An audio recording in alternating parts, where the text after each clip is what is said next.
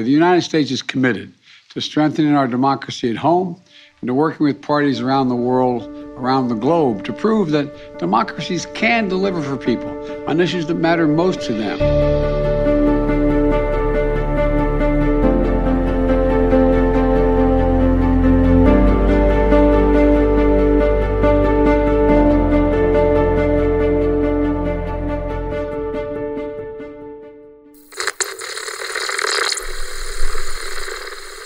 Anda sedang mendengarkan BTS Gedung Putih.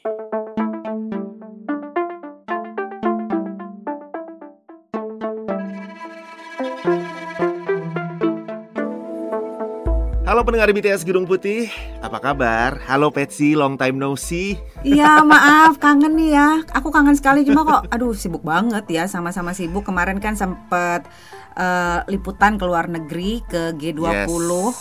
Terus habis itu di di Roma ya itu ya. Terus habis itu ke Hmm. Glasgow untuk ikutin COP26. Terus pulang dari situ aku sakit COVID. Nah, itu oh my dia god, makanya. Rifan. Aku aku udah vaksinasi penuh tapi sakit. Kena juga karena kecapean di liputan KTT 2 double itu. Cuma ya karena aku sudah divaksin penuh dengan Moderna dua Hmm. kali jadi ya cuma kayak berasa masuk angin dua hari aja. So it's not too bad. Cuma ya tetap harus karantina se 10 hari. I see. Tapi sekarang udah oke kan? Udah prima lagi, fit lagi. Insya Allah sudah prima dan fit lagi. Kemarin itu eh, aku sempat deg-degannya karena sempat kehilangan sense of taste and smell, nggak bisa Oh, nyium no. dan nggak bisa ngerasain makanan. Kurang lebih dua hari gitu deh. Terus aku kan berpikir, ya mudah-mudahan bisa jadi kurus nih gara-gara nggak bisa nggak bisa makan. Tapi ternyata Motif. kebalikannya, karena aku penasaran, kok makanan yang ini nggak kerasa. Gimana kalau aku coba makanan ini? Gimana kalau aku coba makanan ini? Akhirnya jadi makan terus deh. Ya ampun, tapi sekarang udah balik lagi ya. Semua indera Sekarang perasa, indera lagi. penciuman dan siap untuk cuti akhir tahun dong pastinya. Insya Allah, insya Allah demikian. Iya, ini karena kita udah masuk di penghujung tahun juga dan itu dia makanya kali ini kita juga pengen ngomongin satu agenda internasional Amerika yang digelar benar-benar persis di ujung tahun di paruh pertama bulan Desember yang lalu itu Amerika Serikat menggelar satu agenda yang dinamakan dengan Summit for Democracy atau konferensi tingkat tinggi demokrasi. Itu digelar dua hari doang sih sebenarnya ya Pets ya 9 sama 10 Desember tapi diikuti sama lebih dari 100 negara kalau nggak salah. Virtual ya, virtual, Virtual. semuanya.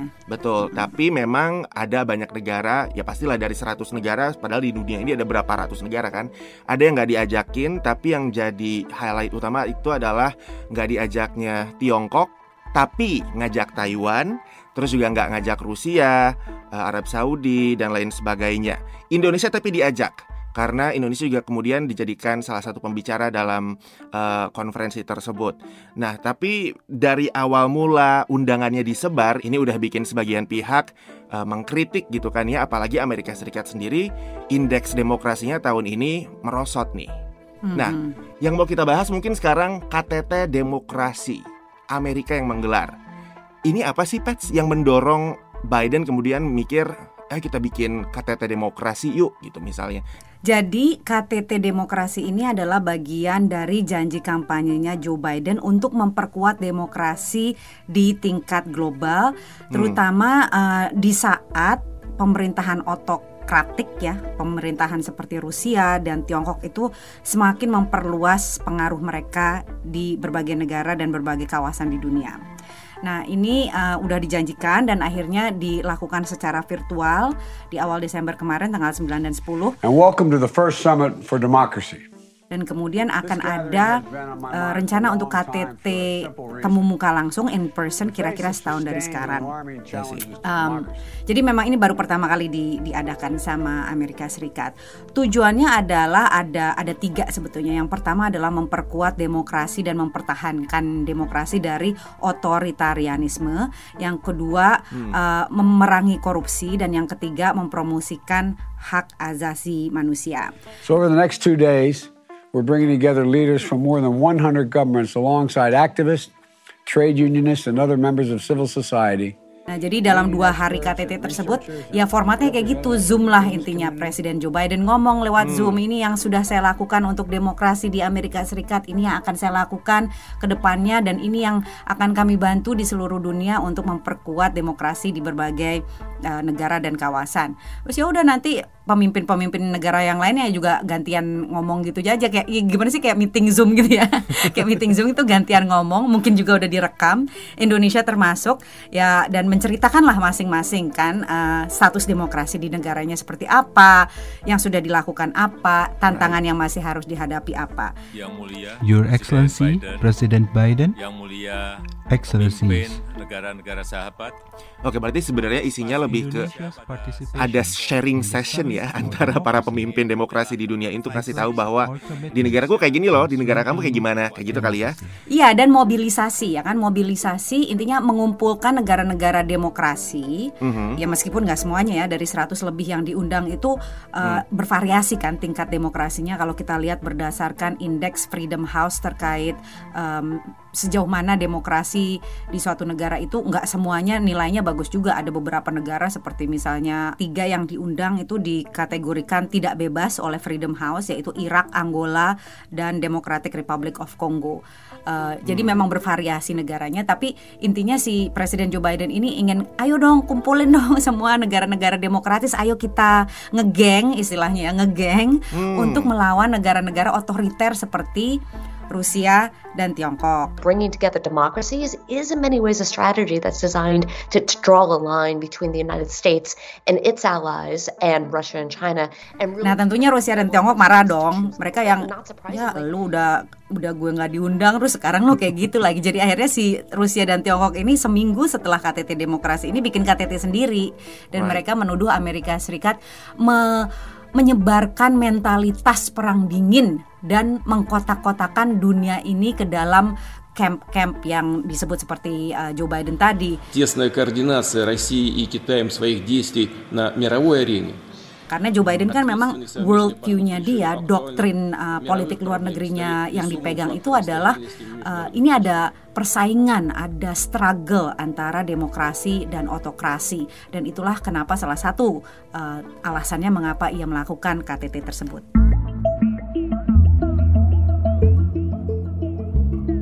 Menarik ya. Maksudnya demokrasi di Amerika Serikat sendiri kan sekarang eh, dinilai indeksnya merosot itu mungkin salah satunya karena eh, polarisasi yang makin menjadi-jadi gitu kan ya. Tapi terus di level internasional Presiden Biden juga seakan mau main geng-gengan itu tadi. Kira-kira dampaknya apa ya Pets untuk relasi ke depannya dengan nega- negara-negara yang di-exclude atau dikecualikan untuk nggak ikut dengan KTT ini. Padahal kita sekarang lagi mau menuju ke berbagai goal-goal internasional termasuk climate change juga kan? Mhm. Ya memang emang betul dan em, kalau sebelum kita bicara dampaknya ya aku mau menggambarkan dulu Hmm. bagaimana sih sekarang ini yang namanya status demokrasi di seluruh dunia. Oke. Jadi kalau menurut laporan dari Freedom House eh, tahun 2020 kemarin itu adalah sudah 15 tahun berturut-turut yang namanya kebebasan dan demokrasi di seluruh dunia ini secara global itu menurun, Wow. ya kan? Dan ini eh, penyebabnya banyak. Misalnya pandemi ya kan, pandemi juga membuat pemerintah jadi lebih otoriter di berbagai uh, dunia. Terus kemudian juga uh, berbagai pemerintah otoriter, ada kudeta, ada empat kudeta di uh, Yes. di benua Afrika misalnya. Kemudian Myanmar juga ada democratic backsliding, kemunduran, kemunduran demokrasi. a military takeover in Myanmar, an attack on Brazil's election system by its own president, the assassination of the Haitian president, and several coups on the African continent. These are just Situasinya seperti itu dan si Biden uh, mau bilang ke teman-temannya ini negara-negara demokratis yang diundang Right. atau negara-negara yang ingin menjadi demokratis yang diundang uh, ayo bagaimana caranya kita memperbaiki status demokrasi di seluruh dunia ini Will we allow the backward slide of rights and democracy to continue unchecked? cuma kan kritiknya adalah Ih, siapa elu mau ngundang-undang kayak gitu? Bukannya demokrasi di Amerika Serikat juga lagi parah, gitu kan? Yep. Eh, karena Rifan tahu sendiri bahwa negara adidaya Amerika Serikat ini sekarang menghadapi situasi di mana mantan presiden Donald Trump tidak mau mengakui kekalahan dan justru menyebarkan wacana bahwa kemenangan uh, Pilpres oleh Joe Biden tahun 2020 itu disebabkan oleh banyaknya kecurangan. Hmm. All of us here today do not want to see our election victory stolen by emboldened radical left Democrats, which is what they're doing, and stolen by the fake news media. That's what they've Nah, done. ini sudah terbukti salah ya, tidak sudah terbukti tidak ada bukti dari klaim tersebut, tapi kan diulang-ulang-ulang terus sehingga me- mengikis kepercayaan rakyat Amerika Serikat terhadap institusi-institusi negara termasuk eh, keamanan pilpres, keamanan pemilu di negara ini. Dan akhirnya kulminasinya tentunya adalah serangan eh, 6 Januari 2021 di mana ribuan supporter penduk- eh, pendukung Presiden Trump menyerbu gedung Kongres memaksa wakil rakyat Amerika Serikat untuk membatalkan hasil Pilpres yang memenangkan Joe Biden.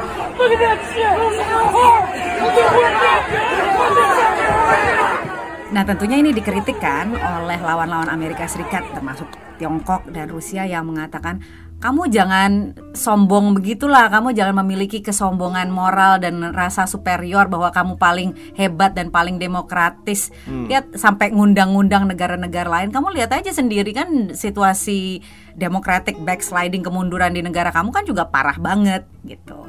Nah ini um, begitu aku tanyakan ke Gedung Putih, mereka bilang bahwa justru itulah uh, karakter unik dari demokrasi yaitu kemampuan untuk melihat sendiri kesalahan-kesalahan di diri kita sendiri di negara kita masing-masing membukanya secara transparan membahasnya secara transparan guna mencari uh, jalan keluar yang lebih baik di masa depan. Nah, kira-kira dampaknya apa ya, Pets? Kalau gitu dengan hubungan mereka nih antara Amerika dengan Tiongkok dengan Rusia dan negara-negara lain yang nggak diundang.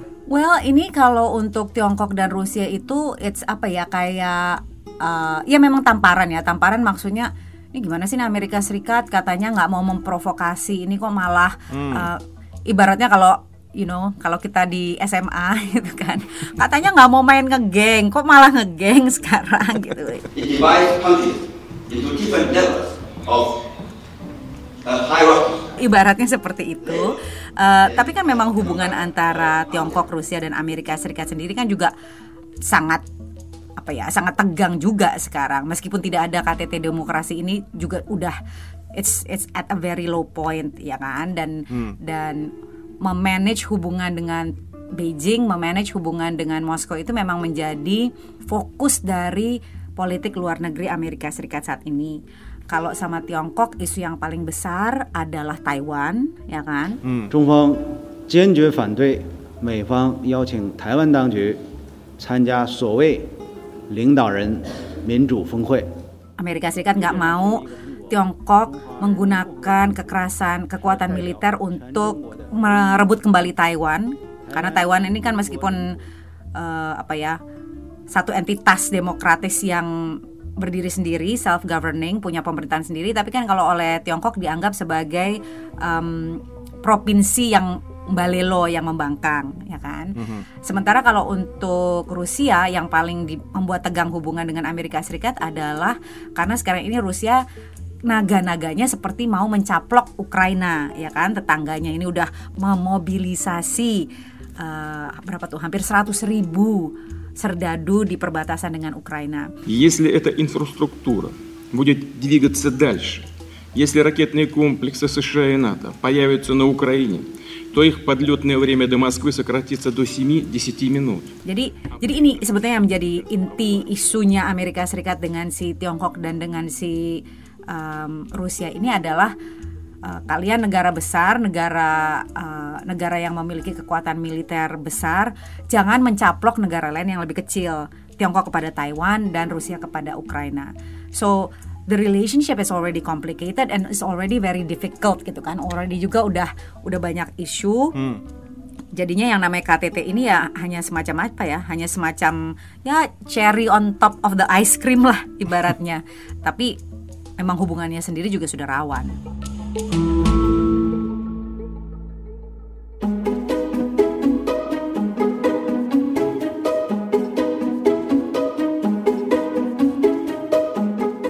dari partisipan dari para peserta KTT-nya sendiri, Pats, apa sih yang mereka berikan dalam forum ini? Ada komitmen-komitmen yang sudah diungkapkankah? Ada janji-janji yang sudah dibuatkah? Seperti apa sih? Nah itu yang yang sebetulnya dipertanyakan oleh banyak pengamat yang aku ajak bicara. Ini tuh sebetulnya hmm. KTT ngapain sih gitu? Ada ada juntrungannya nggak sih? Atau cuma buat ecek-ecek doang? Atau cuma buat lip service doang? Ya hmm. kan? Kalau dari pihak Amerika Serikat sendiri kan ada komitmen dan ada dana yang sekarang ini lagi diminta ke Kongres 424 juta dolar untuk uh, inisiatif pembaharuan demokrasi di seluruh dunia dari pemerintahan Joe Biden. Working with our Congress, we're planning to commit as much as 224 million dollars in the next year to shore up transparent and accountable government. Cuma kita juga masih nggak tahu ini inisiatifnya ini duit yang memang sudah dialokasikan untuk uh, mengembangkan demokrasi di seluruh dunia atau duit baru uh, oh. ini programnya akan seperti apa itu juga masih belum jelas ya kan dan selain itu yang kedua adalah negara-negara lain itu meskipun di, diminta ya dua hari ini kan si pemerintah Biden bilang ayo dong selama dua hari ini kalian juga uh, give some kind of commitment give some kind of janji rencana kalian ke depan apa dan nanti selama setahun ke depan kita akan check in dan follow up hmm. year of action sampai kemudian nanti tahun depan pada saat kita KTT in person kita bisa ngelihat nih kemajuan kita udah sejauh mana nah tapi nggak ada tuh negara-negara yang memberikan komitmen seperti itu. Maksudnya komitmen yang real gitu ya bahwa nih akan ada program seperti yes. ini, anggarannya seperti ini. Nah itu dikasih waktu oleh pemerintahan Joe Biden sampai bulan Januari. Kita masih belum tahu komitmennya akan seperti apa. Sebab kan ya hmm. tahu sendiri ya namanya negara-negara di seluruh dunia ini kan semua lagi pusing gara-gara masalah pandemi ya. Boro-boro ngurusin demokrasi, demokrasi. ngurusin vaksin. Uh -huh. Iya. So it's it's a very difficult thing to ask. Um, dan juga yang dipertanyakan adalah sustainability-nya seperti apa. Karena aku tanya sama uh, Gedung Putih, ini nih rencananya apa? Oke, tahun ini virtual, tahun depan in person, tapi setelah itu akan ada continuity nggak kalau misalnya ganti pemerintahan, misalnya Joe Biden nggak jadi presiden yes. lagi? Dan jawaban mereka adalah belum ada rencana untuk mengembangkan ini menjadi sesuatu yang permanen. Uh, apa lebih jauh daripada hmm. pemerintahan uh, Joe Biden yang sekarang ini yang akan berakhir pada tahun 2024. Dari Indonesia sendiri, Presiden Jokowi kan ikut serta Pets dan memberikan pidatonya hmm. juga dan ngasih tahu apa aja nih pencapaian-pencapaian demokrasi di Indonesia selama uh, beberapa tahun terakhir. There is no point of return for democracy in Indonesia. Our work for democracy will continue. Walaupun terus dikritik juga nih sama pengamat dari Indonesia juga gitu kan dari salah satunya hmm. itu um, Bivitri Susanti dia pakar hukum tata negara di Indonesia yang bilang bahwa demokrasi yang dijabarkan oleh presiden di forum internasional itu untuk saat ini nyata adanya tapi hanya dinikmati oleh kalangan elit aja tapi itu nggak nyampe nih di level akar rumput. Jadi uh, kalau hanya dilihat prosedur demokrasinya, tentu saja pemerintah mana pun di ASEAN atau di Indo-Pasifik itu bisa mengklaim uh, sudah demokratis. Nah cuma kan uh, pertanyaan kuncinya adalah demokrasi itu harus deliver gitu. Dan deliver tuh artinya apa? Uh, seharusnya penikmatnya adalah warga bukan orang-orang yang punya kekuasaan. Jadi memang di negara pesertanya sendiri khususnya Indonesia hal ini atau KTT demokrasi ini dipandang masih jadi semacam mungkin lip service itu tadi yang kamu sebutin. Mm-hmm. Hasilnya mm-hmm. apa sih Pets yang kemarin akhirnya di tanggal 10 di hari keduanya di akhir uh, digelarnya konferensi ini uh, diumumkan ada nggak sih? Itu nggak ada. Jadi nggak ada. Misalnya kalau biasanya kan di akhir KTT kan ada yang namanya komunike bersama, ya hmm. ya kan? Inilah uh, berbagai isu yang sudah kita bahas dan inilah uh, yang kita sepakati bersama harus semuanya tanda tangan gitu ini nggak ada nggak right. ada seperti itu jadi ya ya lebih ke sharing session lah akhirnya yang seperti kamu bilang tadi Indonesia laporan ini loh yang sudah kita lakukan for example In the 2019 election, participation level reached 81%, one of the highest in the world. Dan ini uh, yang masih harus kita kerjakan, harapan di masa depan seperti apa, you know, just like that. Dan itu sama juga Amerika juga kayak gitu dan negara-negara lain kayak gitu. Makanya banyak orang yang mempertanyakan was it worth it? Tapi kan ya namanya juga it's it's a Zoom call ya. Mungkin juga orang log in terus habis itu ditinggal makan pagi nggak tahu juga. But however, uh, yang aku dengar dari berbagai organisasi kemanusiaan ya, aktivis HAM, aktivis demokrasi, ya mereka pastinya seneng lah kan ada satu lagi yes. forum untuk bisa untuk bisa uh, berbagi best practices misalnya, untuk bisa membangun network, koneksi dan sebagainya. So in that sense it is good in the sense bahwa pemerintahan Biden sudah memobilisasi juga uh, disambut baik, yep. tapi in terms of tangible results, hasil yang benar-benar substantif itu sampai sekarang belum ada. Kita lihat nanti kalau bulan Januari apabila ada komitmen yang masuk dari negara-negara lain, then we'll talk. Tapi se eh, sejauh ini sih belum ada. Kecuali ada satu bentuk kesepakatan yang sifatnya lebih kecil antara Amerika Serikat, Australia, Denmark, dan Norwegia yang mengumumkan mereka akan meluncing satu program mm -hmm. untuk memonitor dan membatasi ekspor teknologi yang biasanya digunakan untuk melanggar hak asasi manusia. We've seen the expanded misuse of spyware and other surveillance technology to monitor citizens far beyond what's needed to fight the virus. Misalnya kayak hmm. contohnya gini Van, um, apa ya facial recognition teknologi, kayak teknologi ah. yang digunakan oleh Tiongkok ya kan di di Xinjiang tuh yang di mana banyak uh, etnis Warga minoritas Uyghur, ya? Muslim Uighur, uh, itu kan di mana-mana banyak kamera kan, banyak kamera dan kamera itu digunakan untuk memonitor gerakan orang-orang ini untuk dengan tujuan mengendalikan uh, mereka dan juga ya merepresi lah istilahnya. Nah, itu negara-negara yang tadi aku sebut, Australia, Denmark, Amerika Serikat, dan Norwegia itu berjanji akan lebih hati-hati memastikan agar teknologi milik mereka sendiri tidak diekspor untuk digunakan untuk melanggar HAM. Uh, macam-macam teknologinya termasuk surveillance ya kan surveillance teknologi yang hmm. digunakan hmm. oleh negara-negara represif untuk melacak ponsel aktivis misalnya so hal-hal seperti itu uh, sifatnya memang lebih kecil tapi ya that's one of the things that came out berarti selain itu belum ada lagi dan nanti kita pantau ya Pets Januari apakah ada negara lain yang bakal submit atau memasukkan komitmen mereka terhadap pemajuan demokrasi ini. Sip, sip, sip, sip. Tapi ya selain itu ke depannya juga yang namanya pengembangan demokrasi itu kan you know it's not gonna happen in one or two years uh, yang namanya pembaruan demokrasi itu kan adalah sesuatu yang ya pertama harus harus diinginkan dulu kan oleh rakyat suatu negara hmm. emang benar mau atau enggak dan dan harus harus rutin untuk uh, selalu diperbaiki dan dan selalu di diperkuat lah intinya and uh, itu sebenarnya bisa dilakukan dengan ataupun tanpa KTT tergantung dari political will dari elit politik masing-masing negara dan juga uh, seberapa jauh suara rakyat itu bisa menentukan di setiap negara tersebut.